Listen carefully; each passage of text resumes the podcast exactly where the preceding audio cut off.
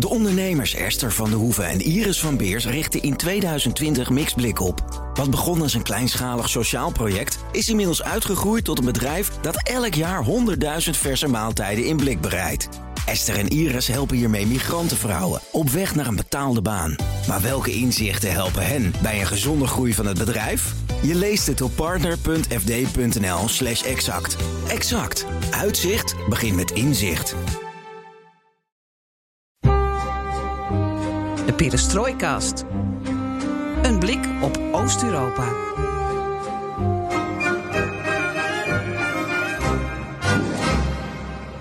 Michael Gorbatschow, überall in Ost und West hast du Freunde, doch auch Feinde und die wünschen dir die Pest. Michael Gorbatschow, aber ich wünsch dir Glück, dass du weiter deinen Weg machst, ohne Kugel ins Jenekoi. Oi, Gorbi, armer Supermann, Michael die Macht macht dumm, schnell wird man ein Tyrann. Oi, oi, Gorbi, aber du kannst mehr, bleibe immer Mensch, verstehst du? Revolution. Michael Gorbachev. Wolfgang Bierman hoorde je na ons welbekende intro. Ja, Gorbachev wordt hier eigenlijk op een, op een, op een eh, schild gehezen, toch? Nou, hij wordt goed tegelijkertijd ervan afgegooid door. Wolfgang Bierman, de dissident eh, van Oost-Duitsland, eh, precies 30 jaar terug. En eh, het is zeker een nummer om eens naar te luisteren. Het werd me onlangs aangeraden door Peter Weininga, de defensiespecialist, die Hmm, eh, eh, heel, hele interessante suggesties had voor een muzieklijstje dat ik maakte. Ja, misschien was het dat ik alleen hoorde wat ik wilde hoorde, horen. Want Gorbachev is nog altijd mijn held, hoewel lang niet iedereen daar zo over denkt. Ja, zo begon het ooit voor jou. Hè? Ja. Jouw interesse Ja, voor ja, Rusland was de man met de moedervlek of de wijnvlek. Zo staat het op jouw website ook. Ja, ja, klopt. Maar daar kunnen we het nog wel een keer over hebben. Nou ja, ik denk waar we het nu over gaan hebben, dat het er wel een beetje bij Het, aansluit. het, hè? snijdt, het snijdt het zeker. Ehm, want ja, we hadden met de man te maken de afgelopen week. Jij was in Berlijn en ik zat in Moskou. Alle twee ten oosten van de Elbe. Ja. Ehm, wat, wat, wat moest je daar in dat Berlijn? Wat moest ik daar? Nou, als je aflevering 23 van de Perestrooikast hebt eh, geluisterd, dan werd het al kort aangehaald dat ik eh, heel graag 30 jaar na de val van de muur bij die festiviteiten wilde zijn. Onze vorige aflevering ging daar ook over. Ik wilde zelf ook eh, plekken bezoeken die mij meer konden vertellen over het leven in Oost-Berlijn, in Oost-Duitsland in die tijd. Ik was zelf drie toen de muur viel, dus daar heb ik geen enkel historisch besef bij, geen herinneringen aan.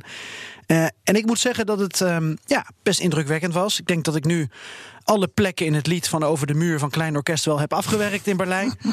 en het is trouwens wel geinig dat je het over de Elbe hebt. Want ehm, vorige week heb ik de Elbe echt gezien. Dat was natuurlijk niet in Berlijn. Ehm, maar ik heb er toen zelfs ingelegen, want ik was in Hamburg.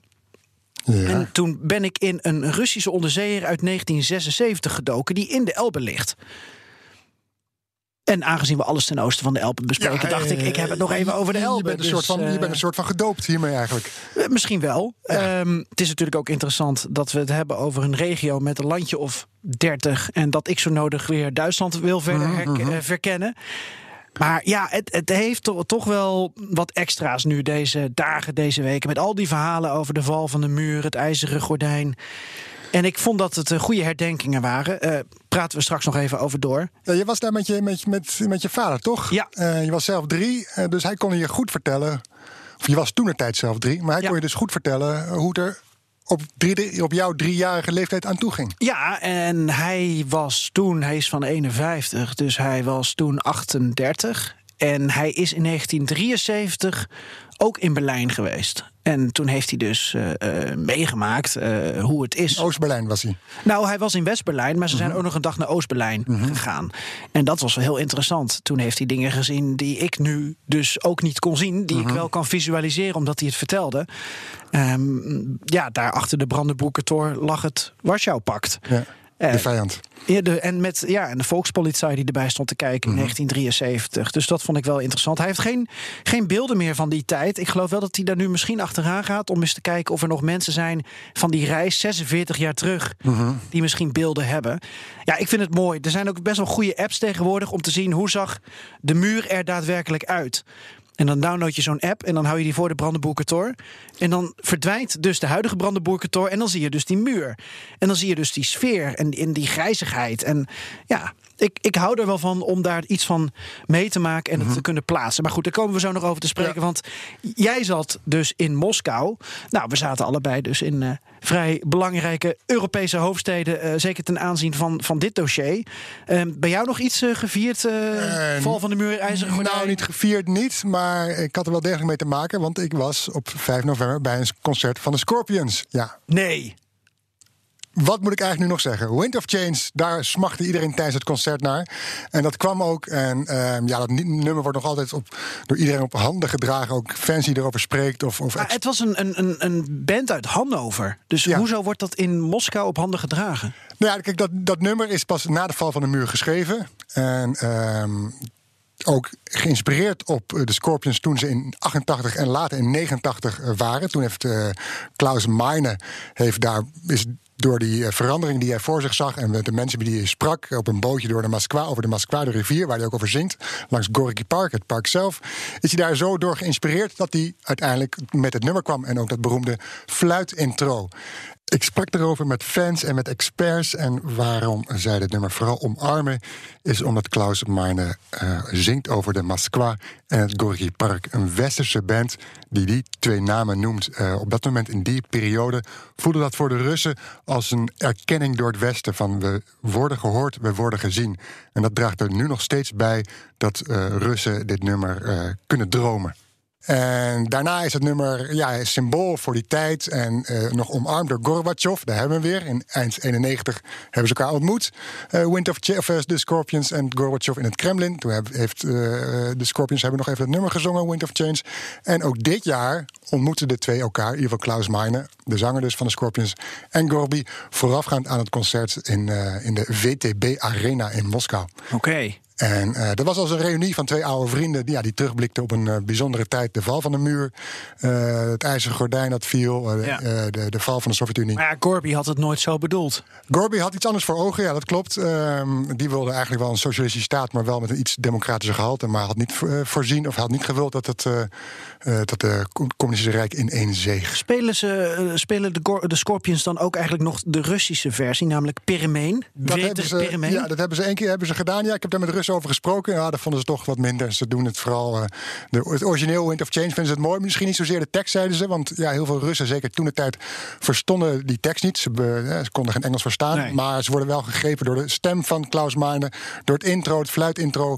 En, en door de melodie die toch een gevoel van hoop en verandering en positivisme uh, teweeg bracht. En dat waren dan wel vooral uh, liberale, progressieve Moscovieten die bij dat concert waren? nee, dat niet zozeer zo hoor. Was, ik sprak ook iemand, ja, die, die verandering mensen die dat toen wilden. Ik, ik hoefde helemaal niet per se die kant op. Maar het nummer was gewoon positief. Het gaf voor mij een goed gevoel. En het is ook voor.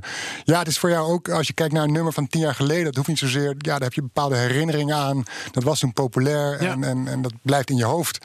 Ja. En, en er hoeft niet per se een, een, een geopolitieke of, of politieke. Uh, affiniteit mee te hebben. Ja.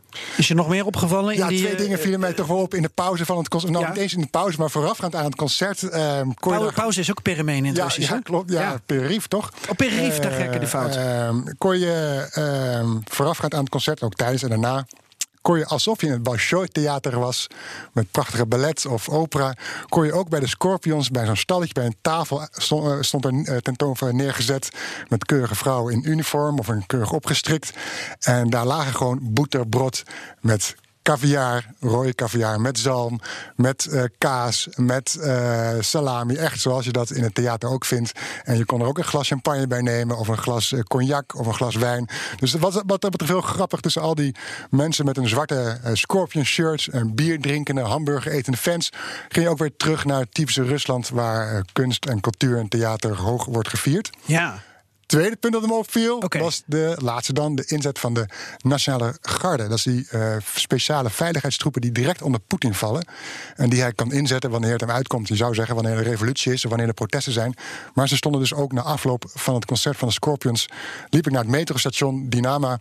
En er stond naast mij gewoon. Uh, een zoiets. Uh, een rij stonden ze niet te fluiten? Nee, ze stonden niet te fluiten. Er Oh. stond een rij naast me. Of ze begeleiden me min of meer in, een- in, in, als een lint naar het station toe. En dan denk ik, ja, zo'n nationale garde, wat heeft die te zoeken bij een concert van de Scorpions?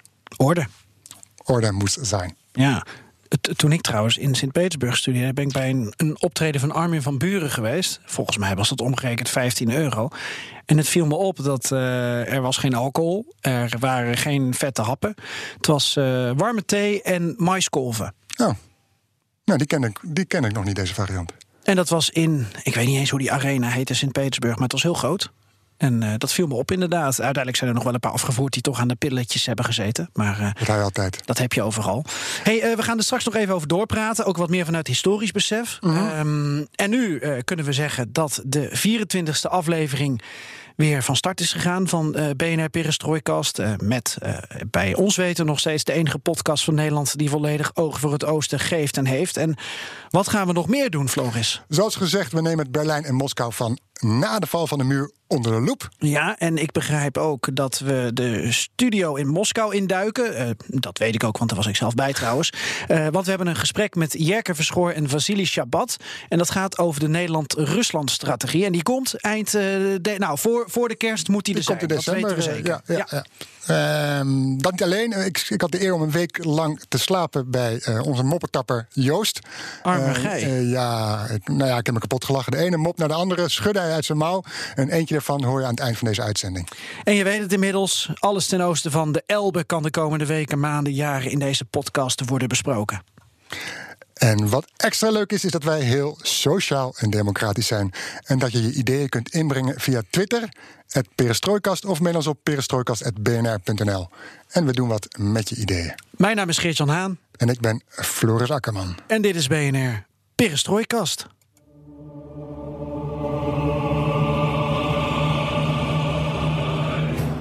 Maar beste luisteraar, kameraden, voordat we overschakelen naar onszelf in Berlijn en Moskou, eerst nog even dit. Dinsdagavond 10 december live vanuit Amsterdam BNR Perestrooi Café. De allereerste live-opname van de Oost-Europa-podcast van Nederland. Met de beste Roemeense wijnen en versnaperingen. En als gast columnist Nausicaa Marbé. Ga voor meer informatie en tickets naar bnr.nl slash perestrooicafé. Café met een K. We gaan het land in. Nou ja, althans de hoofdstad. Eh, Geert-Jan, jij weet er alles van. Vertel, maak ons blij. Ja, je hoorde het. Het allereerste Perestrooicafé ooit. En eh, je kunt er dus bij zijn. Ik ga je nu informatie vertellen die alleen jij als vaste luisteraar nu hebt. Want Floris, we hebben afgesproken dat we eh, de eigen luisteraar voorrang geven bij de kaartverkoop. Dus maandag starten we officieel. Maar als je erbij wil zijn op die dinsdagavond 10 december hier in Amsterdam, ga dan alvast naar bnr.nl schuine streep. Hij doet het, hè?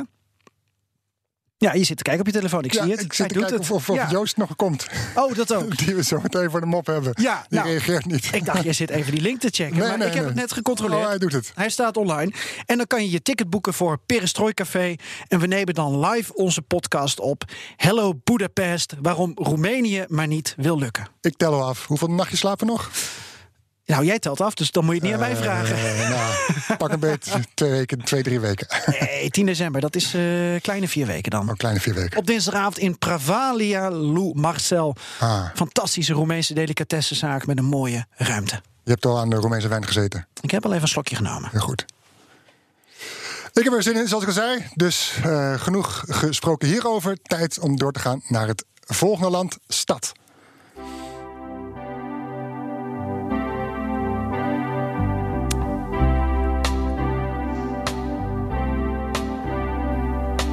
Oost-Berlijn, unter den Linden. Er wandelen mensen langs vlaggen en vaandels. Waar Lenin en Marx nog steeds op een voetstuk staan.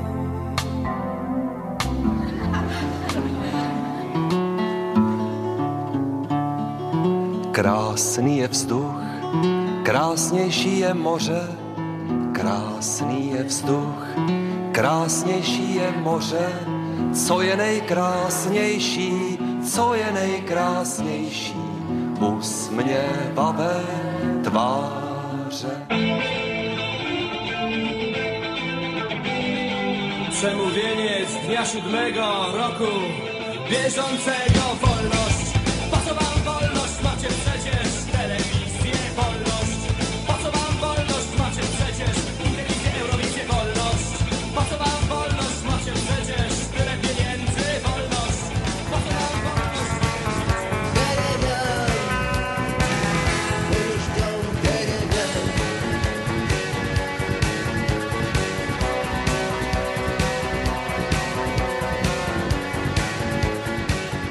Floris. Ja, wat, dit- wat vind je van deze remix? Dit is eh, DJ eh, Geert-Jan in de house hoor. Dat kan niet anders. Hij heeft zo'n echte roeping gevonden. Kijk hem glimlachen, plaatjes draaien, mix, eh, vind het koptelefoon op. Eh, Ja. Hij is helemaal als een kind zo blij geloof ik. Herkende je ze alle vier? Eh, ik ken alleen de, nou, de eerste natuurlijk, als eh, Hollander. Eh, de laatste, althans Pirimen, Gatjo Pirimen. Kino. Kino. Eh, de andere twee zeiden me niks. Eh, we hoorden eh Wolnost. Eh, dat is van Cult. Eh, Heel bekend eh, eh, uit Polen uit de jaren tachtig. En Jaroslav Hoetka met het prachtige kleine nummer eh Namisht. En Jaroslav Hoetka was trouwens in Berlijn op Alexanderplatz aan het optreden. Hij heeft Toen jij er was? Ja, toen ik er was. Ik heb hem alleen gemist, want ik kwam er een dag te laat achter. Wat ik wel heel jammer vind, want ik had hem graag willen life. horen en spreken. Nee, deze Hoetka, eh Tsjechoslowaak, die heeft elf jaar in ballingschap in Nederland gezeten. Die is in 78 naar Nederland gegaan en uiteindelijk eh, eind 89 weer eh, terug volgens mij naar, naar Tsjechoslowakije. Hm. Die heeft wel een, een verhaal, zeg maar, over de Koude hij en het? Warschau-pact. Kunnen we hem uitnodigen? Ja, moet hij wel vanuit, eh, waar zit die Ollemoets, eh, Praag eh, komen. Maar wij kunnen ook daar naartoe. Ja. Gewoon een keer eh Perestrooi Café vanuit Praag. Lijkt me leuk. Ehm, ja, zullen we het nog even over onze trip hebben? Ja, eh, brand los. Ehm, want wat ik wel geinig vond, eh, ik vraag nu gewoon dit aan mezelf. Wat vond je van je trip, Geert-Jan? Ja, Wat vond je van je trip, Geert-Jan? ja, ik vond het leuk, Floris. Ja. Nee, het was mijn tweede keer in Berlijn dit jaar. En, en wat de eerste keer was ik er van de zomer met 41 graden. Nou, dat was nogal een contrast nu, hè. En toen ben ik met de bus eh, vanuit Berlijn doorgereisd naar Wrocław en met de trein naar Oekraïne. En eigenlijk zie je dan weinig verandering van landschap. Hè? Dus je bent al in het landschap van de collectivisatie van de landwirtschaftliche Produktionsgenossenschaft, de LPG's, die grote boerderijen in Oost-Duitsland, ruimte groots opgezet. En ehm, nu bleef ik in Berlijn. Ik weet niet, ben je vaak in Berlijn geweest? Ik, nou, wat is vaak? Ehm, vier, vijf keer. Twee jaar geleden was ik er voor het laatst. Ja. En dan ook oog voor het oosten? En nou, mijn eerste keer dat ik naar, naar Berlijn ging, had ik alleen maar oog voor het oosten natuurlijk als, als Oost-Europa-liefhebber. Ja. Ik was nog eens de trein uit of ik, eh, of ik zat al in, aan de Karl Marx-allee. Nou, kijk. Ja. Oh, prachtig. Ja, daar ben ik ook nog geweest bij eh, Café eh, Sibyl en bij de eh, Café Moskou eh, en de bioscoop daar. Ik ken alleen het café, hoe heet het ook weer? Ah, ik ben het even kwijt. Ook beroemd. Misschien. Sibylle dan. Nou ja. Nee, kom even niet op. Maar in, in deze festivalweek eh, staan eh, een aantal punten centraal. En ook Oost-Duitse locaties. Dus de Gethsemane Kirche in Prenzlauer Berg, Alexanderplatz, de Stasi-centrale in Lichtenberg. Mhm. En de Eastside Gallery natuurlijk, hè, de beschilderde muur. Ehm, en ook die Brandenburger Tor waar ik het net over had. Oh ja, ik was ook nog ehm, vanwege Bruce Springsteen in Berlijn. Dat was weer daarvoor. Ga verder. Ik heb trouwens Bruce nog gezien in Berlijn. Ja, want ik was in het DDR-museum. En toen deed ik een deurtje open op een slaapkamer. En daar zat dus een dansende Bruce achter. Ja, dat is toch Ik geweldig. heb jou volgens mij nog een filmpje gezien. Ja, ja, Herkende je het nummer gelijk? Eh, Badlands. Ja, tuurlijk herkende ik dat. Ja, ja. Dus nummer. dat, er meteen in. Nou ja, dat was wel grappig, zo'n DDR-museum Mhm. ook. Ga verder. Nou, nu zou jij een vraag moeten stellen. Oh, Daar heb ik eh, zo in. ik, ben, ik, ben het, ik ben het draad kwijt. Eh, als, als Bruce Springsteen aan het woord komt. Hey, of, dit eh, leek me juist een mooi bruggetje. Nou ja, het brug is naar het historische besef eh, van Geert-Jan eh, in Berlijn. Zijn gevoel voor nostalgie. Nou ja, daar was ik naar op zoek. Mhm. En, en, en ik snap wel nu beter dat er een soort verlangen is. En dat zal denk ik ook voor de andere landen uit het voormalige Warschau-pact gelden. En ook wel misschien voor, voor Rusland. Ehm, ik ben daar zelf jaren terug op afgestudeerd. Op, op communistische nostalgie in met name Rusland en Oekraïne. Ook gerelateerd aan ehm, kiezers. Dus hoe stemmen ze eh, bij verkiezingen? Is dat op basis van nostalgische gevoelens? En eigenlijk is er geen nostalgie, maar ja, dat zijn dure termen. Solastalgie en allostalgie. Mhm. Je strooit even met eh, wat woorden. Ja, Ehm, het is een inhoudelijke podcast, hè? Ja. Ja, vind ik wel lastig. Nou, ik ga het je proberen uit te leggen. Solastalgie betekent ehm, dat je heimwee hebt terwijl je nog op dezelfde plek bent. Dus stel, je woont in Berlijn En dan is ineens die muur weg. En ineens wordt je hele wijk volgebouwd, gemoderniseerd. In de jaren 90 werd er enorm geïnvesteerd in huisvesting in Berlijn. Als inwoner van de DDR zie je dan grote bedrijven verdwijnen, failliet gaan, waar, waar je je identiteit aan ontleent. De Robotrons van deze wereld, de VEB's. Er is zoveel veranderd voor de, voor de, de DDR-burgers. Nou, ja, daar kom ik ook op. Ehm, kijk, de invloedssfeer van de DDR was het Warschau-pact. Naar die landen mochten ze ook op vakantie en naar Cuba. Ehm, er was staatscontrole. Keuzes werden voor hen gemaakt. En, en keuzevrij, dat vinden wij in Nederland fantastisch. Maar als je het niet gewend bent, ja, dan is het lastig. En dan, dan is er weer, kom je bij de tweede term, allostalgie. Allos, eh, wat eigenlijk eh, verandering is. Hè? Dus angst die je hebt voor verandering. En de hang naar het oude. En die twee zaken, dus dat alles om je heen er letterlijk anders uitziet. Dat je thuis niet meer je thuis is, fysiek. En dat je land ineens tot West-Europa behoort, tot de NAVO, terwijl het altijd de vijand was. Alles ten oosten van de Elbe eh, noemde de NAVO slecht. En dat je zelf keuzes moet maken, dat is dan weer. Ja, dat zijn fenomenen. Die uiten zich dan uiteindelijk in nostalgie. Dat is een, een, een- gevolg ervan. Maar dat vond ik heel interessant om, om, om zo te bekijken. En ehm, ja, daar heb ik een beetje over zitten mijmeren, een beetje over zitten nadenken. Ik denk dat het ook voor. Weet je, we hebben-. Ja, maar we hebben het ook vaak over Polen hier, hè? aanhang van PiS of, of Hongarije, de aanhang van Fidesz. Ja, die doen ook een beroep op dat solostalgie en allostalgie, eh, wat dan weer die nostalgie triggert. Dus dat de vooruitgang sommige mensen soms gewoon te snel gaat. Ja, en dan en- wordt daar vanuit de politiek eh, eh, slim met retoriek op geanticipeerd. Zij bieden bescherming tegen die, die snelle, onoverzichtelijke, onzekere vooruitgang. Ja, dat vind ik wel mooi, mooi, mooi gezegd. Maar herken je dat? Of klinkt dit allemaal echt. Ik, ik herken het zeker. Ik had, vorige, nee, ik had vorige week nog met een Russische zakenvrouw erover. Die zegt ook, ja, kijk, eh, eh, wat jullie, ons land is anders, heeft een andere cultuur en geschiedenis. Wat jullie gewend zijn aan vrijheid, dat herkennen wij niet. En daarom hebben we behoefte aan, aan vaste structuren. Ja. Ja. en er hoort dan een leider bij die dat, eh, die dat ons te bieden heeft. Ja. Terwijl wij niet anders weten dan dat wij onze eigen Precies. keuzes Er maken. komt nog wat op jou voor. Als je opeens van de een op de andere dag wakker wordt in een ander systeem, democratisch kapitalisme. Ja. En, en je ziet dingen gebeuren waarvan je denkt van ja, hoe moet ik hier het hoofd tegen bieden? Ja, dat moet je bestellen bij de McDonald's. De keuze is reuze. Ja, ik vind het nog steeds lastig hoor, bij de McDonald's iets bestellen, zoveel keuze er is. Ja, dat is waar. Gaan we naar Moskou? Ehm, eh, want eh, Floris, eh, Moskou verandert met de dag. En dat kunnen we eventjes met een muziekje illustreren Но Москвой я привык гордиться, И везде повторял я слова. Дорогая моя столица, Золотая моя Москва. Wat een heerlijke Prachtig. muzikale uitzending eh, maken we er samen van. Jij verrast mij nu met dit nummer, Ja, dit is, dit is het, eh, als ik het goed heb begrepen, het volkslied van, of nou, het volkslied, het volkslied van Moskou. het stadslied. Ja, het stadslied, ja. Ja. De hymne. Oké. En ehm, jij hebt zelf in Moskou gewoond. Eh, maar als je er dan nu weer een week bent geweest, is dat dan nog alsnog eh, verrassend? Ja, ik kijk mijn ogen uit, nog steeds. Eh, toen ik er woonde was het eh, 2009, 2013 en was Moskou, ja, een, een zootje om het zo maar even te noemen. Ehm, auto's stonden gewoon geparkeerd op de stoepen, op de trottoir. En dan moest je daar moeizaam langs lopen als wandelaar. Zwervers, zwerfhonden liepen er rond. Als je bij de metrostations was, stonden allemaal kiosken, swarma-tenten waar, waar, allemaal, waar het donker was, onguur was. Wat zei je nou? Wat voor tenten? Swarma, kiosken. Shawarma? Shawarma heb je daar ook. Shawarma. Shawarma, ja, Shawarma. Is dat de Russische shawarma? zoiets, ja. Shawarma. Oké, In ieder geval eh fastfood. Ja, kebab. Snel, snel eten, Vlees. kebab. Ja, vlees. Ga door. Ehm, had je er allemaal parken, zoals het Gorikpark, dat was, daar, daar kwamen jullie voor niet. Dat was, Had je daar ook shawarma tenten? Ja, dat had je, had je er ook. Ehm, eh, je kon voor heel makkelijk kon je voor, eh, via corruptie een bouwvergunning ergens voor krijgen. Dus er werd van alles maar neergezet in parken, in, in, eh, rond die meestations of op, op boulevards. Ehm, het was een zootje. En langzaam is daar verandering gekomen. En ik vertrok daar in 2013, toen zag je dat al. Maar nu, eh, sinds 2013, kom ik er elk jaar. En elk jaar ja, ben ik toch weer verrast en verbaasd over hoe snel die stad zich verandert. Je hebt eh, eh, langs de Moskwa, de rivier, heb je nu een brede trottoir waar je kan fietsen, waar je kan uh, waar je kan steppen, waar je kan wandelen.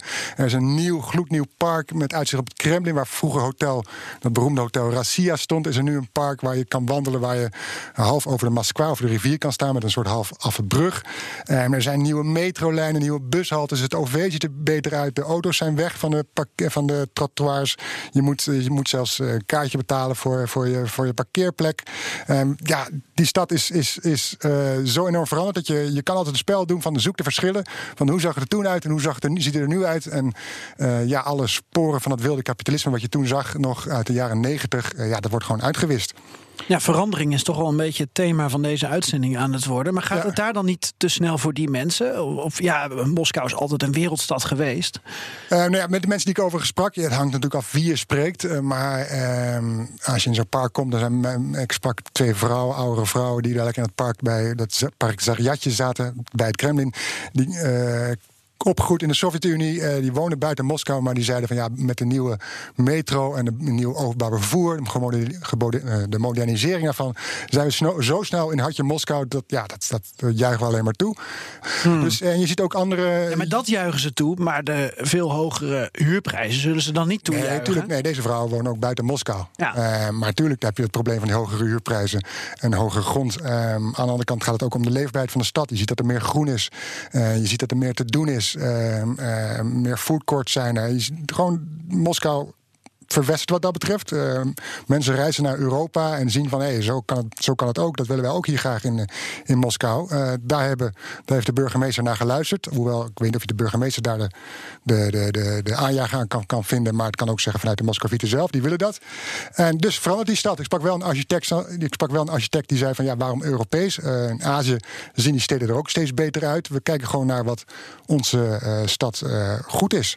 Nou ja, ik kan me nog wel herinneren dat volgens mij eerder dit jaar al die Khrushchev-flats tegen de vlakte zijn gegooid. Ja, ja, die gaan ook tegen de vlakte, ja. Eh, dat, Daar- moet nog, daar- dat moet nog gebeuren? Of Eh, nou, al die mensen worden de uitgekocht laatste volgens stand mij? van zaken weet ik niet, maar die mensen moeten er weg. Die waren niet altijd, eh, zijn daar niet blij mee. Ja. Want ja, je hebt hier daar je, je huis, je grond, je bent er opgegroeid, je bent daar geboren, je hebt er van alles meegemaakt.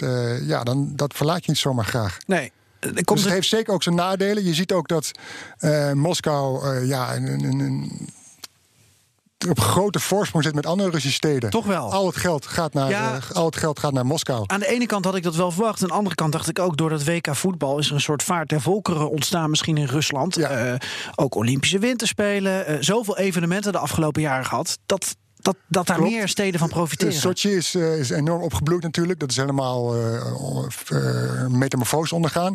Nizhny Novgorod ook, eh, die stad. eh, was een WK-speelstad. werd een metrolijn verlengd en het centrum werd wat vernieuwd.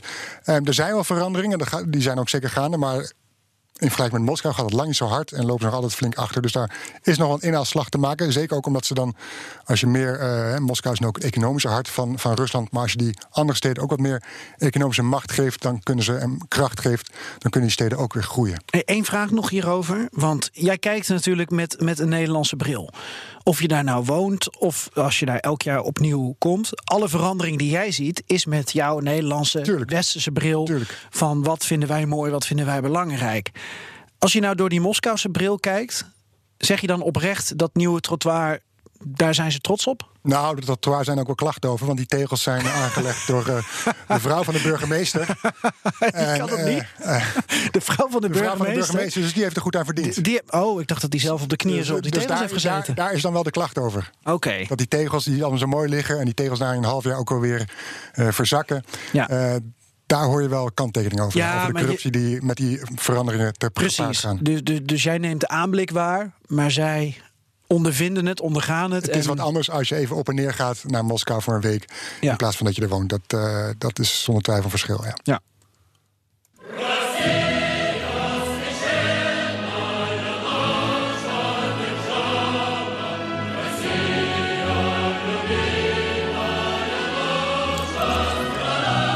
Je hoort het Russische volkslied met reden, want koopman of dominee, daar gaat de Ruslandstrategie over. En waar komt de nadruk op te liggen?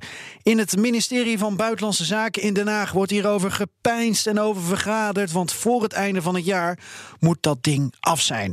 In Perestrooikast hebben we het eerder erover gehad hoe zo'n Ruslandstrategie eh, eruit moet zien. Maar als je wil dat je boodschap in Rusland aankomt vanuit Nederland, moet je wel de juiste toon aanslaan. Moet je het dan hebben over een aantal zaken. Eh, over mensenrechten, over de Krim. En als je dat wil, met welke toon doe je dat dus? Dus het is goed om vanuit Russisch perspectief ook naar die strategie te kijken. En daarom hebben we Floris naar Moskou gestuurd. En Floris, je zit daar in een studio. Dit deel hebben we eerder opgenomen. Met wie zit je daar? Ik zit hier in een kleine studio met aan mijn rechterhand Jerker Verschoor. Uh, nu een uh, directeur van NESO Nuvik in Moskou. En links van mij zit Vassili Shabat. Ook iemand met een liefde voor, voor Nederland. En we zitten hier een kleine studio in Artplay. Dat is in, iets buiten het centrum van Moskou. Artplay is een van de hip mekka waar, waar van alles plaatsvindt op het gebied van kunst, media. En daar past deze studio, hoewel die wat houtje touwtje is, prima tussen. Ja, en we gaan het dus uh, met jullie daar allemaal in Moskou en ik hier in Amsterdam hebben over uh, de relatie Nederland-Rusland. Met het oog op die Rusland-strategie. Een paar maanden terug, toen wisten wij, met dank aan jou zeg ik, Floris, de primeur te brengen dat het Nederlands kabinet aan zo'n Rusland-strategie werkt, zo'n plan. Weet jij wat nu de laatste stand van zaken is? Ja, we brachten inderdaad het nieuws dat hij in de herfst zou komen. Ik heb onlangs nog gebeld met Buitenlandse Zaken. Woordvoerder zei dat hij voor het einde van het jaar moet komen. Um, ik heb ook het idee dat ze misschien bij de Rusland-strategie ook wel kijken naar hoe die uh, China-strategie valt. Daar was natuurlijk al wat kritiek op toen hij uh, naar buiten kwam en dat de Tweede Kamer zich over ging buigen. En daar moest ook wat meer aandacht worden geschonken aan de mensenrechten. Dus uh, wellicht komt daar nog een apart hoofdstuk aan vast bij de Rusland-strategie en broeden ze, broeden ze zich daar nog op in Den Haag. Ja, helder hebben we dat geconstateerd. En dan kan jij nu de, de gasten nader introduceren en, en, en hen aan het woord laten over wat hun band is uh, met Nederland bijvoorbeeld. Ja, laten we beginnen met onze uh, ja, bijzondere gast, uh, Vasily Shabat. we hebben natuurlijk in de perestrojkas vaak mensen gehad die gewoon Nederlanders die een kijk hebben gegeven op Rusland of op Polen of op Roemenië, over voetbal, cultuur, noem het maar, maar op. Maar het leek ons ook eens goed om met in dit geval Russen zelf te praten en niet alleen over te praten, dus met Russen. Dus daarom is uh, Vassili aangeschoven bij ons. Um, als er één Rus is die een liefde heeft voor uh, Nederland, dan is hij het wel. Uh, jarenlang in Nederland gewoond. dat klopt. Vertel hoe lang en wat, wat heb je gedaan? Ja, ik, ik heb zes jaar in Nederland gewoond. In Amsterdam, Amsterdam, Amsterdam Noord. ik was afgestudeerd van de Universiteit van Amsterdam. Mm -hmm. als OJO in uh, wiskunde. Ik was gepromoveerd in 2001. En uh, ja, ik ben van Nederland naar Rusland teruggekomen in 2002. Mm -hmm. Maar ik blijf nog steeds een grote fan van, van Nederland. Ja, kom je nog vaak? Uh, ja, uh, ik bezoek Nederland niet zo vaak. De laatste keer was, uh, geloof ik, vier jaar geleden. Maar toen hebben we een grote fietstocht gedaan van Brugge naar Leiden met de fietsen, met het hele, hele gezin. Hollandse kan eigenlijk niet. Uh, sorry? Hollandser kan eigenlijk niet. Oh? Nou ja, op de fiets. Geloof, ja, het moet mogelijk zijn. Goed, dankjewel Vasily. Uh, goed dat je er bent. Um, recht van mij zit uh, Jerk Verschoor, directeur van Nuvik Neso in Moskou. Um, eigenlijk een halve ambassadeur namens ons land hier in het grootste land ter wereld. Ja, uh, dankjewel. Uh, nou, ik zou niet zeggen uh, halve, nog hele ambassadeur. Er zit maar één ambassadeur hier en die zit op de Nederlandse ambassade. ik ben ook geen diplomaat, maar ik werk inderdaad voor het Netherlands Education Support Office van, van Nuffic. En wij werken aan het, ja, aan het bevorderen van, de, van de, de banden tussen Nederland en Rusland op het gebied van, van onderwijs. specifiek hoger onderwijs. en dat houdt in studentenmobiliteit, maar ook samenwerking tussen instellingen, universiteiten, hogescholen, et cetera. En, en daarvoor reis je het halve land af? Uh, nou, zo'n beetje. We hebben voor onszelf de grens een beetje gelegd op Tomsk en Novosibirsk. Anders wordt het heel ver reizen. Vier uur, vijf uur vliegen. Uh, en dan nog een stukje naar het noorden. Moermansk, uh, -hmm. Kazan, Nizhny Novgorod, Petersburg uiteraard. Jazeker. Ja, en die Russische studenten naar Nederland die blijven maar komen, of niet? Uh, nou ja, studeren in, uh, in Nederland uh, blijft aantrekkelijk voor veel, voor veel studenten en scholieren in, in Rusland inderdaad, ja. Oké. Okay. Um, tot zover de introductie, Geert-Jan, lijkt mij. Um, um, laten we het hebben over de strategie. Ja, zij kunnen mij ook horen. Dus ik kan heel simpel vragen. laat ik met Jerke beginnen. wat denk jij, wat is jouw visie op een Nederland-Rusland-strategie? Uh, nou goed, dat is een hele, hele brede vraag. En uh, uh, uiteraard zijn er ontzettend veel experts mee bezig. Dus ik hou me maar als schoenmaker bij mijn leest. Kijk, ik denk dat onderwijs een, een, hele belangrijke rol speelt en kan spelen en moet spelen in de banden tussen twee landen, in dit geval Rusland en Nederland. Ehm, de, de, de, de politiek van, van Nederland op Rusland is samen te vatten in druk en dialoog. En wij zitten natuurlijk heel duidelijk aan die dialoogkant. En ik denk dat we die absoluut moeten, moeten behouden. We zien natuurlijk veel uitwisseling, niet alleen van, van Russische studenten die naar Nederland gaan, maar ook Nederlandse studenten die naar Rusland willen komen. Er is veel stafmobiliteit. We hebben veel lezingen die we organiseren met Nederlandse en Russische experts in Rusland. Ehm, en ik denk dat het belangrijk is dat we die banden eh, nou, open houden. En, en, en, en, en nou, ook gebruiken, denk ik, om meer begrip te kweken. Eh, er kan natuurlijk veel aan de hand zijn tussen, tussen twee landen. Maar je moet een, een generatie die aan het begin staat van een carrière, eh, moet je denk ik nou, proberen te blijven betrekken in de relatie tussen twee landen. Mhm. En hoe zie jij het, Vasili? Eh, waar moet eh, die strategie over gaan? Wat moet het doel zijn?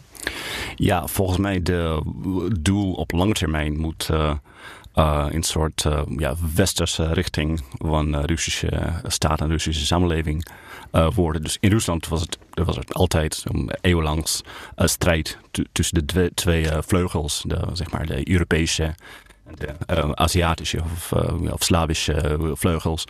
En ehm, ja, alle doelen die worden nu besproken, zoals eh, veiligheid en economie, ehm, zijn volgens mij een onderdeel. Dus voor Nederland zou het een grote winst op lange termijn zijn als eh, Rusland meer eh, Europees wordt. En, en daar moet zo'n strategie ook op aansturen. Ja, maar dat, ja, dat krijg je niet in, ja, in vijf jaar. Eh, dus eh, ik zou zeggen dat eh, als je over een strategie van vijf jaar denkt, dan moet je een soort fundament opbouwen. En het fundament bestaat uit, uit een soort ja, horizontale links in onderwijs en cultuur en business. Dus eh, wat, wat Jerke doet is een goede voorbeeld van dit soort, soort links. Want eh, ja, ehm, goede gedrag van, van Poetin krijg je niet met, met elk soort strategie. Eh, maar eh, ja, dit soort horizontale links kan je wel opbouwen. Dus je moet het op lager niveau zoeken. Althans niet op zozeer op politiek niveau, maar op... Ja, natuurlijk moet je ook politiek niveau hebben. Da- da- daar kan je niet zonder. Maar ook, ja, eh, ook op, op lagere niveaus, ja. En, en eh, moet die strategie zich dan richten op, op meer eh, pro-westerse eh, kunstenaars, ondernemers... of ook op, op eh, hen, die Russen die eh, niet zo op het Westen zitten te wachten... en westerse invloeden eh, liever niet in hun land hebben? Ja, volgens mij eh, het kan aan ieder- iedereen ge- gericht worden. Dus voor pro-westerse ook. ook ja, kijk, volgens mij, ehm, ja, Nederland heeft een sterk model van, samenleving. En wat belangrijk is, is om dit model ehm, ja, ja, te, te laten zien voor alle Russen. Dus in, ja, de sceptisch, die pro-Wester- pro-westerse mensen, eh, voor, eh, voor, alle, eh, voor iedereen. Ehm, en eh, eh, ja, dus eh hoogleraren, kunstenaars, eh, ook de, ja, de gewone publiek. Ook eh, als je, als je doet het met, eh, met opleiding of met eh, toerisme of met, met zaken, met cultuur. Aan iedereen, denk ik- denk ik.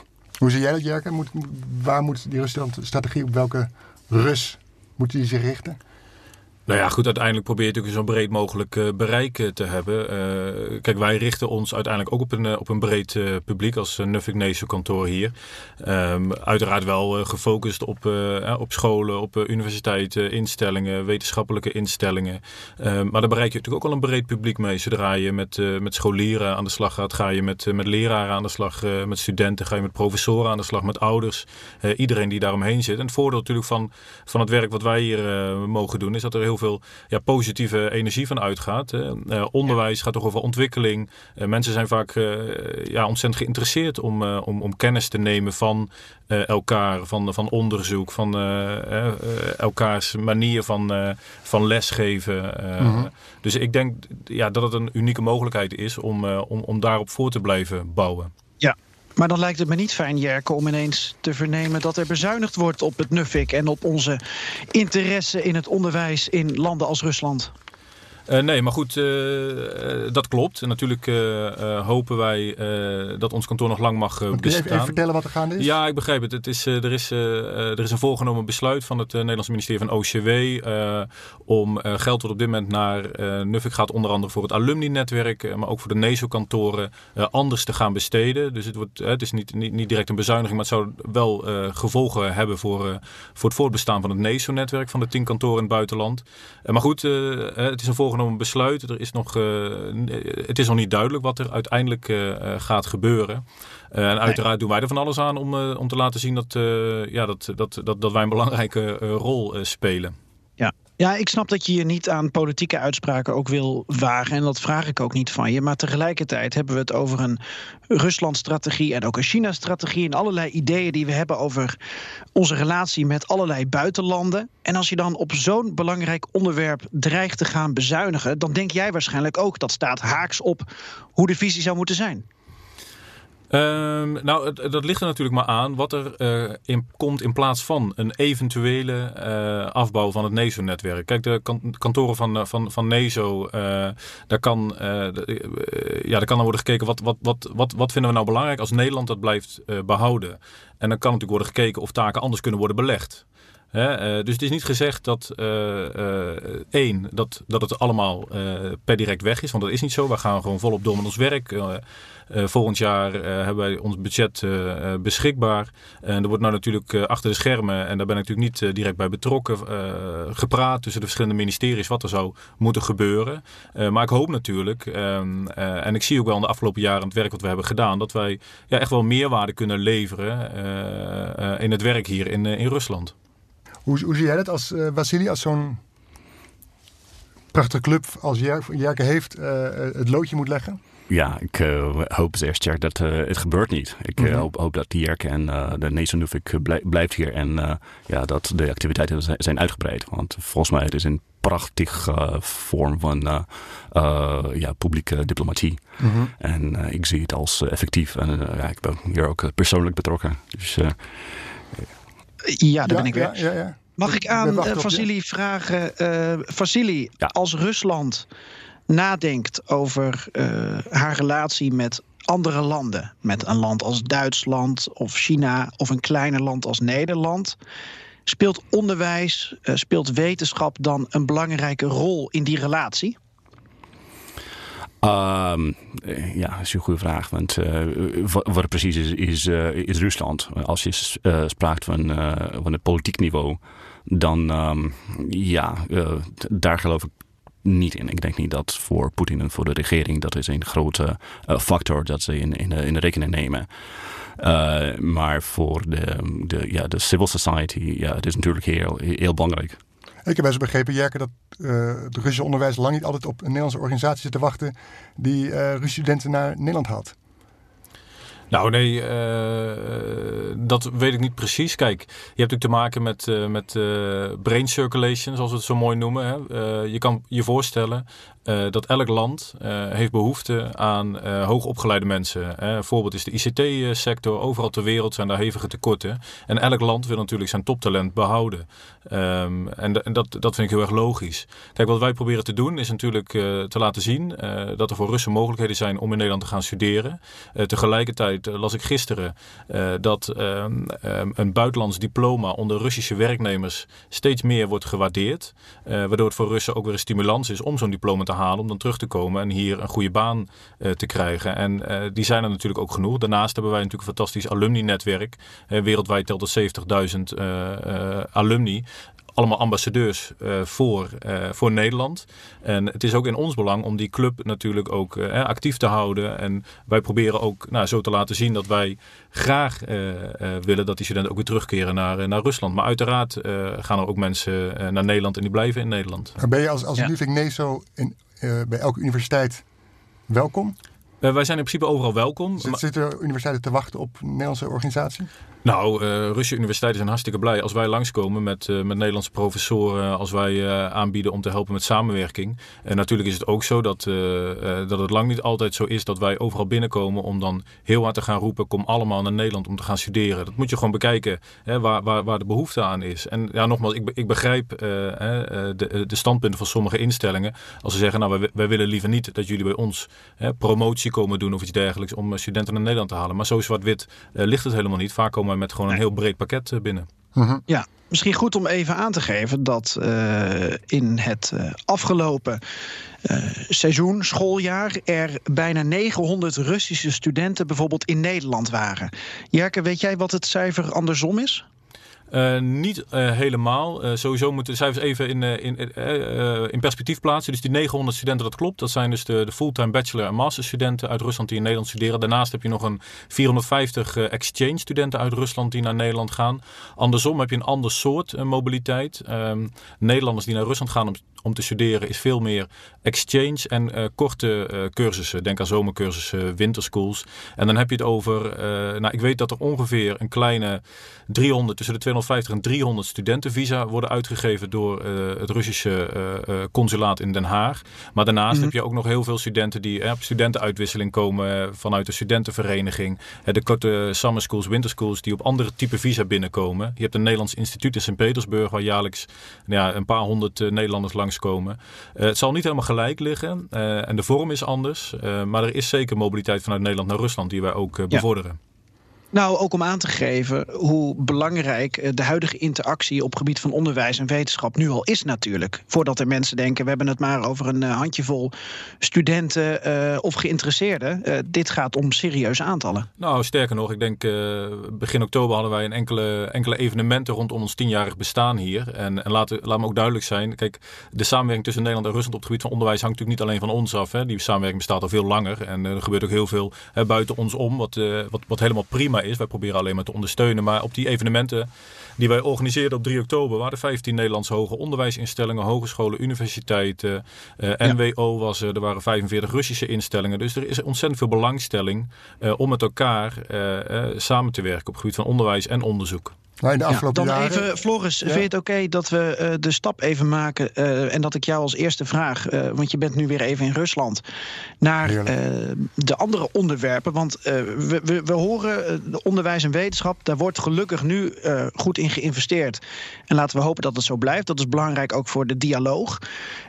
Denk jij dat um, in zo'n Rusland-strategie dat we ook Rusland moeten aanspreken op mensenrechten, MH17, de Krim, op cybersecurity? security. Hoe kijk jij daarnaar en kan je die vraag dan ook uh, dat voorzetje geven voor je gasten? Ja, nou ja, als je kijkt bijvoorbeeld MH17, dat ligt zo gevoelig in Nederland. Het zou raar zijn als je dan opeens daar in je strategie niks over zegt. We hebben gezegd van, uh, Rutte heeft gezegd, ondersteen moet boven. Er komt een rechtszaak volgend jaar.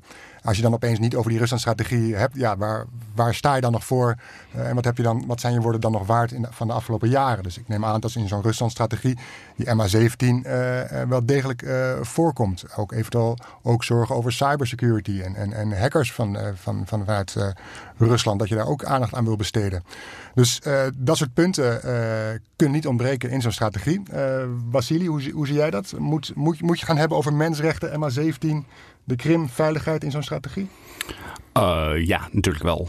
Uh, ja, kijk, ik, ja, ik zou beginnen met uh, MH17. Maar ik denk dat is de meest gevoelig punt.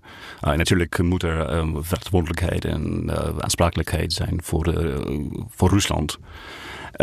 Maar het zou, um, ja, het zou mooi zijn als er is een soort verschil gemaakt uh, tussen de, de acties van Rusland, al, ja, de Russische regering. En ja, Rusland is meer dan alleen de, de, de Poetin-regering. Mm -hmm. Dus ja, ik ben de voorstander van de liberale oppositie. Mm -hmm. En we waren natuurlijk helemaal geschokt door de MH17. en ja, alle dit, dit, soort acties van ja, MH17 en, en, Krim en Oekraïne-oorlog, dat, dat waren we allemaal tegen. Ja. Dus ja, wat mij betreft, ja, het moet wel het volgende zijn. Natuurlijk kan je de kwaad en de, de misdaden niet, niet gewoon laten zitten. Mm -hmm. maar ook ja, ik zou hopen dat uh, er een soort beperking tot dit soort uh, verantwoordelijkheden is. En, en dat, dat is niet een barrière. Het wordt niet een barrière voor samenwerking met de, de rest van de Russische samenleving. Ja, want, maar bijvoorbeeld mensenrechten, moet je dat ook benoemen? We hadden elkaar kort even telefonisch gesproken voorafgaand aan het, aan het gesprek. Toen zei je van over bijvoorbeeld over homorechten, daar moet het Westen zich niet mee bemoeien, dat moeten we zelf oplossen. Uh, ja, kijk, uh, er is uh, niet, niet zoveel zin voor, voor de West zo, zoveel met de mensenrechten te moeien, want het is niet, niet, niet te praktisch. Ja, ik zou zeggen dat ja, er is natuurlijk heel veel anti-democratisch, hoe zeg je dat, die, die, die gebeuren in Rusland. En dat moet Nederland in zo'n positie vaststellen. Maar het is niet, ja, het hoeft geen praktische doelen te hebben, want dat, zo verandert het gewoon niks. Dus als het beter wordt in Rusland, is het alleen maar door de acties van, van de Russen en niet, niet, niet door de invloed van, van het buitenland. Maar helpt het dan als, als Nederland daar wat over schrijft in de Russische strategie? Of zeg je van nou, uh, zwijg daar maar over? het helpt niet zo, zozeer het, hoe zeg je dat? Nou, in het Engels? Ja, it doesn't help and it doesn't prevent. Oh, yeah. Het maakt eigenlijk niks uit. ja, het maakt niet, niet zozeer uit. Dus mm -hmm. ik zou zeggen dat ja, intern natuurlijk moet je um, jouw eigen positie uitspreken. Mm -hmm. Liberaal democratie. En als je ziet dit soort dingen gebeuren, moet je, moet je uitspreken. Maar het, het heeft geen praktische opvolgingen. Dus het kan, maar het is niet het doel. Nee, het zal, het zal niks veranderen. Ja. Oké. En, maar hoe, hoe, ga je... Hoe, hoe, ja, hoe, kom je, hoe breng je die boodschap? Moet je, dat, moet je dan met vuist op tafel slaan? Uh, of, moet je, of moet je juist uh, liefdevol praten? Of moet je via omwegen niet direct kritiek leveren? Uh, ja, dat kan. maar ja, hier, ook, ja, ik, ik, geloof niet in, in die in, in, die sterke acties. Ja, volgens mij uh, Nederland heeft een, een, een goede uh, aanpak op dit moment. Het is diplomatisch, dus het is een soort agree to disagree Mhm. op, op deze gebieden. En ja, ik, ik, ik, zie hier geen reden om, om de, dit soort, dit soort aanpak te, te veranderen. Mhm. Nee. Dus, maar ja. Vasili, wij hebben een minister van Buitenlandse Zaken gehad, Frans Timmermans, nu een belangrijke man in Brussel bij de Europese Mhm. Unie. Die heeft eerder gezegd over uh, onze relatie met Rusland en met Poetin. Toen zei hij: Het beste dat werkt is dat je hoffelijk bent in de vorm. Dus dat je aardig bent in de vorm, in de benadering. Maar hard bent op de inhoud. Dus agressief op de inhoud, maar een beetje aardig in de toon. Is dat de juiste manier om met iemand als Poetin um, om te gaan? Uh, ja, ik ben uh, geen professioneel in de diplomatie, maar ik, ik geloof het niet. Ja, ik, ik denk dat uh, het is niet, niet te praktisch in dit, dit soort houding te. ja, dus dat. Wat vind jij de goede houding, de goede attitude? Uh, ja, gewoon uh, agree to disagree. Dus uh, je kunt vast, vaststellen wat, wat de Nederlandse positie voor, voor deze belangrijke kwesties is. maar, maar dan, ja, je, moet het gewoon laten zitten. Want dit is de, de praktisch, dat is in ieder geval de, de uitkomst. Dat ja, Poetin gaat niet zijn gedrag gewoon zo wijzigen vanwege een ja, policy van, van Nederland. Hm. Hoe, hoe, doe jij dat, uh, Jerke? Ga je, volg je de lijn van Timmermans of pak jij het anders aan als je met Russen uh, uh, heikele onderwerpen moet bespreken? Nou kijk, ik heb natuurlijk het voordeel dat ik, uh, dat ik gewoon zelden heikele onderwerpen hoef te bespreken. Um, kijk, natuurlijk komen maar je woont hier ook al langer natuurlijk, dus het is niet alleen uh, je, je, werk wat je hier doet, maar je kent Russen al langer. Ja, natuurlijk. Maar goed, je, je hebt natuurlijk je eigen discussies met, met Russen. Maar als ik in mijn werk kijk wat, welke discussies we hebben, dan ben ik, ik ben het eens met, met wat Vasili zegt. dat het belangrijk is om die, om die, om die, om die horizontale contacten te behouden. En als wij bij een instelling komen, dan kan er altijd even gezegd worden: nou ja, de, de, de, de relatie Rusland-Nederland is politiek gezien niet op zijn allerbest. maar wij leggen dat even terzijde en gaan door waar wij mee, mee bezig zijn. En ik, ik, ik geloof ook heel erg dat we uh, als, als Nederland uh, of Nederlanders zijnde moeten kijken naar Rusland hè, als, ja. een, als een Kremlin, wat, waar, waar dingen gebeuren. Maar ook de, de, de, de Russische maatschappij, hè, waar mensen ook gewoon hun werk doen, leven, op vakantie gaan en Mhm. -huh. ergens willen gaan studeren. -huh. Ja, Jerke, ik ben niet zo thuis in de ambtelijke taal. Wat, wat zijn horizontale contacten nou weer? Nou ja, goed, dat is een, een term die Vasili uitte. Nou goed, ik, kijk, in de, in de diplomatiek, voor me noemen ze het ook wel people-to-people Het gaat er gewoon om dat je, dat je, dat je gewoon de contacten levend houdt tussen, tussen mensen. Uh, niet alleen op, uh, op, een, op een hoog politiek niveau, wat natuurlijk uiteraard op, op van allerlei manieren zal bestaan. Maar goed, wat, ja, waar wij mee bezig zijn, hè, met die uitwisseling met studenten, alumni samenbrengen, ja, mensen, organisaties samenbrengen om te zorgen dat daar eh, vormen van samenwerking eh, uit voortkomen. En Rusland is natuurlijk een nabij buurland. Jullie weten dat is geen ander. Het is maar een paar uur vliegen. Het verdwijnt niet, wil je zeggen. Het verdwijnt niet. Nee, tuurlijk niet. We Nee. zullen het ermee moeten doen. Ja, en, en al eeuwenlang natuurlijk. Ja. Ja, maar sinds 2013, wat een, een, een fijn Nederland-Ruslandjaar eh, zou moeten zijn geweest, maar wat een rampjaar werd.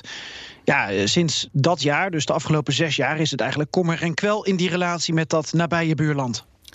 Ja, goed, kom er en kwel op, eh, op misschien op een heleboel punten inderdaad. Ehm, maar dan wil ik dus nog, nogmaals zeggen, want ik ben dus eh, eh, gekomen, in, mijn- ja, ik, werd, ik werd directeur van het Nuffic Nation kantoor per september 2014. Dat was niet de meest makkelijke tijd om te beginnen. Nee, zeker niet. Maar ehm, het is dus niet zo dat er geen samenwerking was of is. Hè. Eh, je ziet juist dat, eh, ik denk ook zeker in Rusland, dat de scheiding wordt gemaakt hè, door, de, door de inwoners zelf. Hè. Je hebt politiek en je hebt je eigen leven. En ik denk dat we dat in Nederland natuurlijk uiteraard ook doen op, eh, op onze eigen manier. Maar die samenwerking die, die was er en die, die, die is er en die blijft bestaan. En dat is ook niet alleen met Rusland. Hè. We, we doen natuurlijk ontzettend veel zaken op alle, alle mogelijke vlakken met heel veel landen waar we het niet per se mee eens zijn wat daar politiek gebeurt. Maar sinds, sinds die 2013, 14 jaar, je ziet geen handelsmissie onder leiding van de minister eh, naar, Nederland, naar, naar Rusland komen. Terwijl voorheen dat wel gebeurde. Eh, de, de, de aanvragen van, van eh, universiteiten, de bestuursvoorzitters, komen die nog wel eens naar Rusland? Daarvoor kwamen er nog wel eens missies met. eh, Nou, kijk, 2013 was ik een uitgelezen jaar voor een grote missie van de universiteitsbestuurders, logisch, en een Mhm, bilateraal ja, maar- jaar. maar- maar daarna? Daarna zijn ze niet meer uitgenodigd. Ook wij hebben geen evenementen ingestoken. Natuurlijk ligt dat veel gevoeliger nou, ehm, eh, met, met reden, en die noemen jullie zelf ook al. Ehm, maar met alle respect natuurlijk voor de, voor de, voor de bestuurders van de, van de universiteiten. Eh, wat wij proberen te doen is op dat werkniveau eh, die contacten eh, te, te laten voortbestaan. En dat gebeurt. Hè. Ik bedoel, uiteindelijk de mensen die die samenwerking moeten opzetten zijn professoren, zijn mensen van een international office om die exchange agreements te sluiten. Je hebt het Erasmus Plus programma wat ontzettend groot is en alleen maar uitgebreid wordt, waar Rusland partnerland van is. Eh, ja. die, die samenwerking gaat, gaat door. Alleen is die wat minder zichtbaar misschien. Ja, dat snap ik. Wat natuurlijk ook belangrijk is in deze, en dat haalde Floris net al ook even aan met de China-strategie waar in Nederland over wordt nagedacht. Je hebt altijd het dilemma eh, handel willen drijven, dus de economie. En ja, laten we eh, zeggen mensenrechten, eh, veiligheid, de, de heikele topics. Ehm, wat, wat, is het rol van, van, wat is de rol van, van het NUFIX? Zitten jullie wat meer op ehm, eh, die eh, menselijke kant? Zitten jullie meer op de economische kant? Nou, wij zitten ja, op de onderwijskant. Hè. Kijk, en onderwijs is uiteindelijk natuurlijk ook verbonden aan, aan, eh, ja, aan alles. Hè. Want eh, bedrijfsleven zit te wachten op, eh, op, op, op goed opgeleide mensen met een diploma. Eh, Ja. en, ja, dus, maar goed, kijk, wij zijn natuurlijk geen bedrijf. Hè. Ehm, Nee, maar je stoomt wel mensen klaar voor de onderlinge handelsrelatie, bij wijze van spreken. nou, bij wijze van spreken. En dat is er, natuurlijk is alleen een, maar er is een alumnivereniging. goed. Er is een alumnivereniging, uiteraard. Om, om, om die band warm te houden. Daar zitten natuurlijk ook allemaal ondernemers in. Daar zitten mensen in die nog steeds zaken doen met Rusland. Tuurlijk, of ja, Nederland of met Rusland heen en weer. Tuurlijk, hè, dan kan je zeggen dat is een soort eh, soft power misschien. Hè. Mhm. Eh, ik noemde het al, er zijn 70.000 alumni wereldwijd eh, aangesloten bij de Holland Alumni. Eh, en we hopen natuurlijk dat dat ook blijft eh, voortbestaan. Ehm, en eh, die mensen zijn, ja, denk ik, uitgelezen ambassadeurs voor Nederland om banden met allerlei landen warm te houden. En natuurlijk is het zo dat mensen hè, die in Nederland hebben gestudeerd en zaken, in, in zaken gaan, eh, over het algemeen een warm hart eh, toedragen aan Nederland. En dat ze dus graag ook daarmee zaken zullen doen. Hè. Eh, en dat is alleen maar in ons voordeel. Hm. Voel jij je een ambassadeur, eh Vassili? Voor... Oh, in een zin ja. Ja? Denk je wel, ja. Hoe, hoe uit je dat? Eh, zeg, hoe, hoe breng je dat over? Hoe speel je die rol? Ja, ik, ik speel alleen maar de, de privérol, zeg maar. Dus ik, eh, ik probeer uh, ja, Nufik een beetje te helpen. Want ik, ik heb wat eh, contacten in de, in de onderwijs hier, hier in Moskou. Dus ik, ik heb uh, ja, met, met die heb ik een paar contacten vastgesteld. Ja, ik doe niet, niet zoveel. Want mm -hmm. ik, ben, ik heb alleen een privérol. Maar mm -hmm. ik, ik probeer er veel te doen, ja. Maar als je met de Russen praat, leg dan uit hoe Nederlanders denken, hoe Nederlandse cultuur elkaar zit. Natuurlijk. Waarom we op, de brest, uh, op de barricade staan voor homorechten bijvoorbeeld? Ja, natuurlijk wel. Ja, ik ben een soort. Uh, ja, in politieke discussies heb je altijd een Nederlands samenlevingsmodel al, als een goede voorbeeld. En ja, ik ben liberaal, dus ik, in politieke discussies zeg, zeg ik: kijk, dit, is een soort. Hoe zeg je dat? eh, ja, ideaal. Mhm. Eh, of, eh, eh, als ik het zo zeg, ja, een soort ideaal waar, waar wij naartoe streven moeten. Ja, maar je kan Ja. Rusland en Nederland toch nooit vergelijken met elkaar. Het zijn andere landen, andere geschiedenis, andere cultuur. Eh, ja, maar in, eh, eh, in, in bepaal, bepaalde eh, areas, eh, ja, in bepaalde gebieden kan, kan je eh, gewoon de, de, de model eh, uit elkaar eh, eh, nemen en, en ja, proberen te verstaan hoe het werkt en waarom. En dan kun, kun je iets van eh, dit soort model ook in Rusland eh, opbouwen. Mhm. Ja, Ja. We- Mhm. Ja, we moeten eh, richting een afronding. Eh, Ja. ik heb nog een vraag voor eh, Vasili.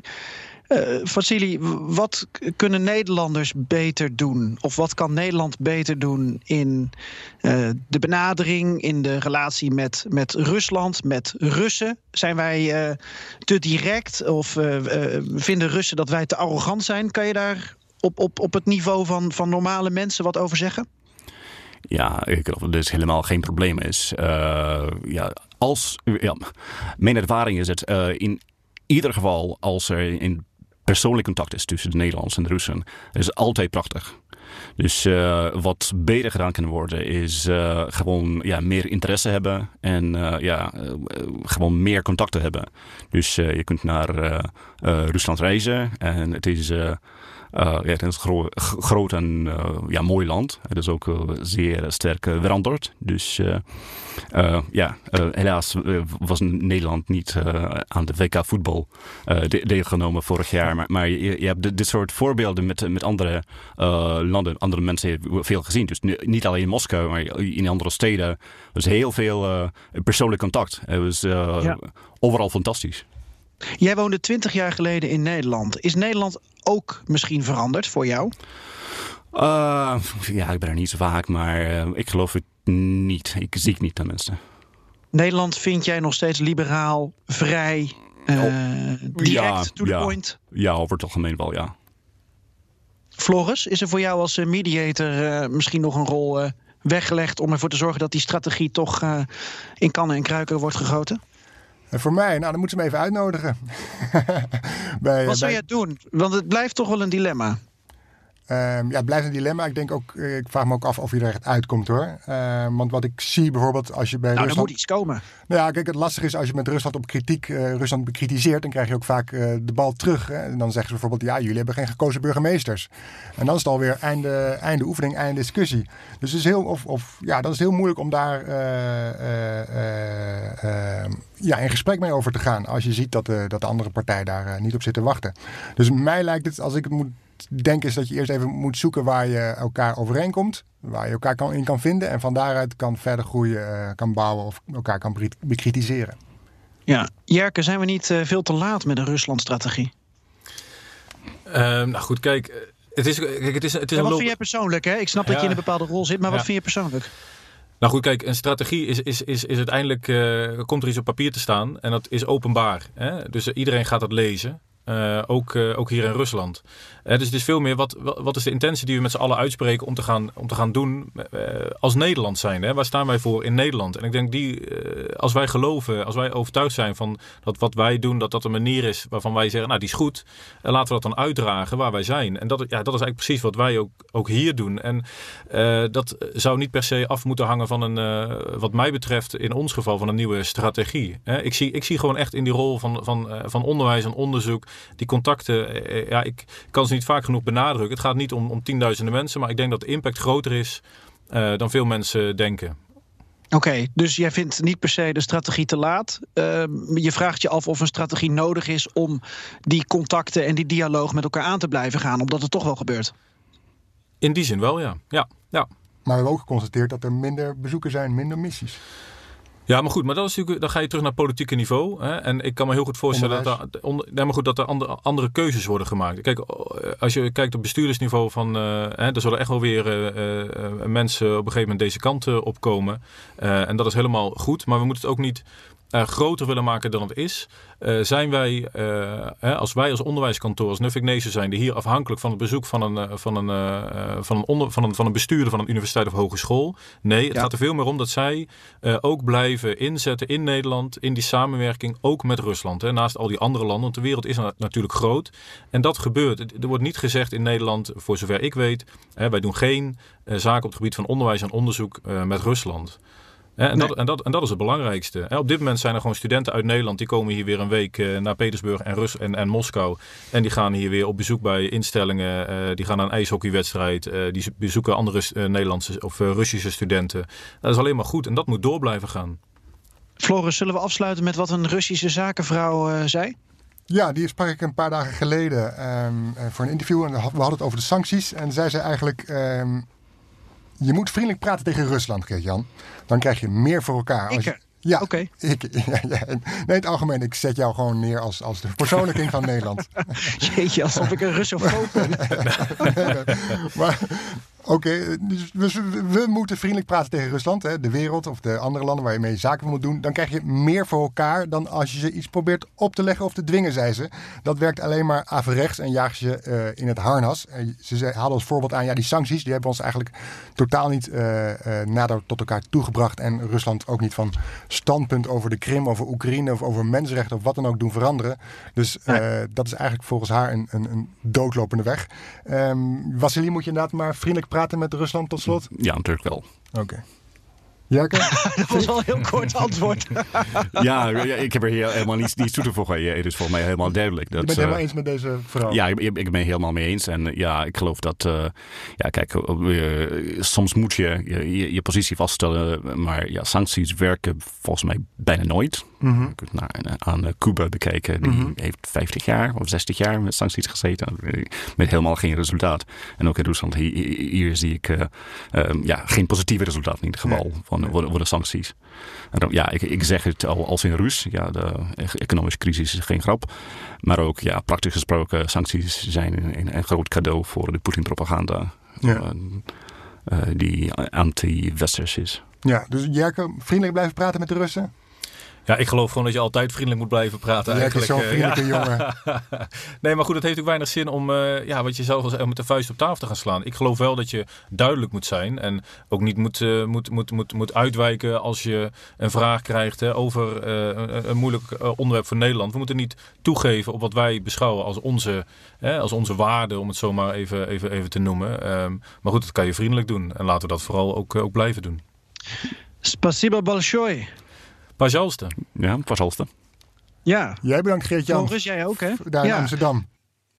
Ik wens je nog een fijne tijd daar eh, toe. Ja, ik, uh, blijf de Moskwa volgen. Zal ik doen, met een bootje.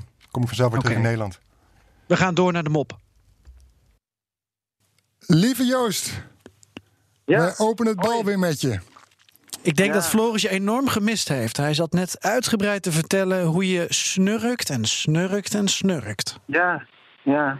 Wat ik heb gedaan? Ik heb een hele week, zes dagen lang, elke avond omstandig uit de doeken gedaan. eh, hoe je een mop moet begrijpen. Hè, dan gaat het over eh, overdrijven, over understatement, dat soort dingen. Om hem uit te leggen wat humor is. Dus ik hoop dat hij er wat van opgestoken heeft. Dat hij eindelijk eens een keer mijn mop begrijpt.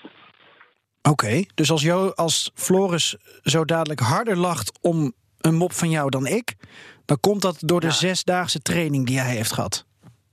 Dat hoop ik, dat hoop ik. ja. Oké. We zullen het zien. En anders ben jij mijn enige hoop. Dan moet jij nog maar eens een keer naar Moskou komen. Nou, ik volgens mij zien we elkaar binnenkort. En ik heb een eh, heel toepasselijk eh, cadeautje voor je ergens op de kop getikt. Oké. Dus eh, daar kan je nog wat van leren, om het zo te noemen.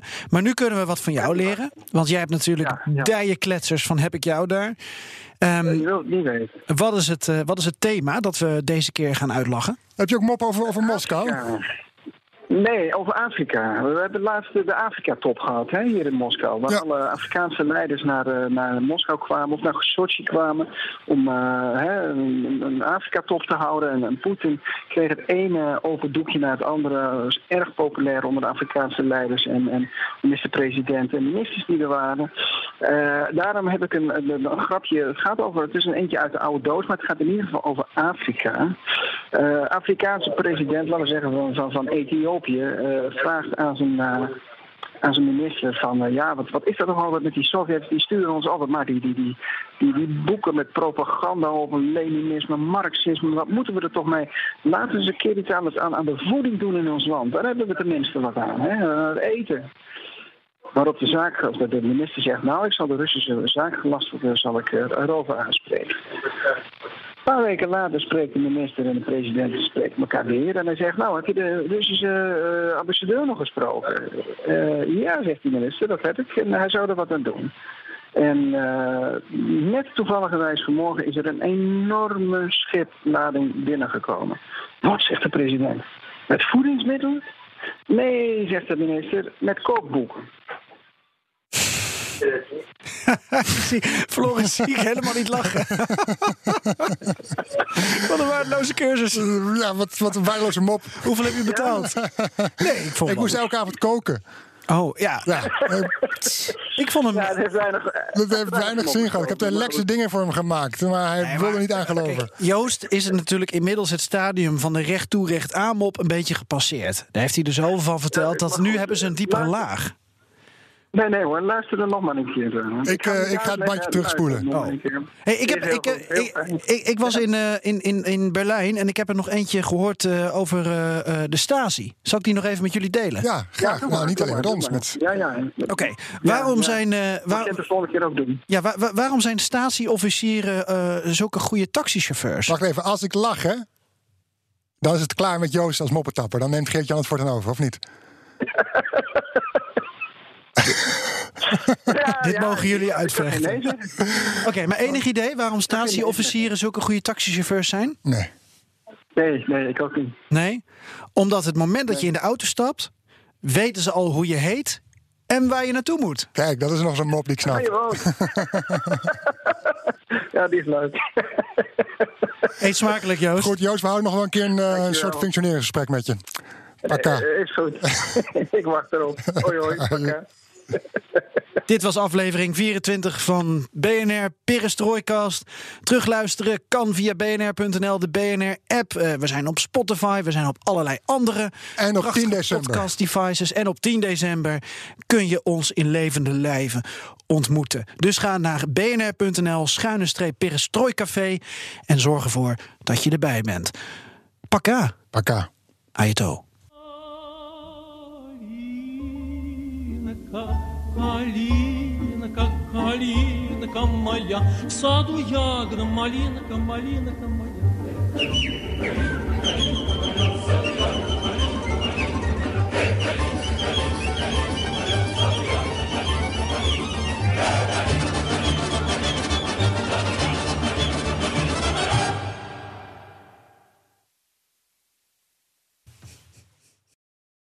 Joost Hulting en Brit Schorel timmeren internationaal hard aan de weg. Met hun Wild Ride Carrier, een hippe drager voor peuters.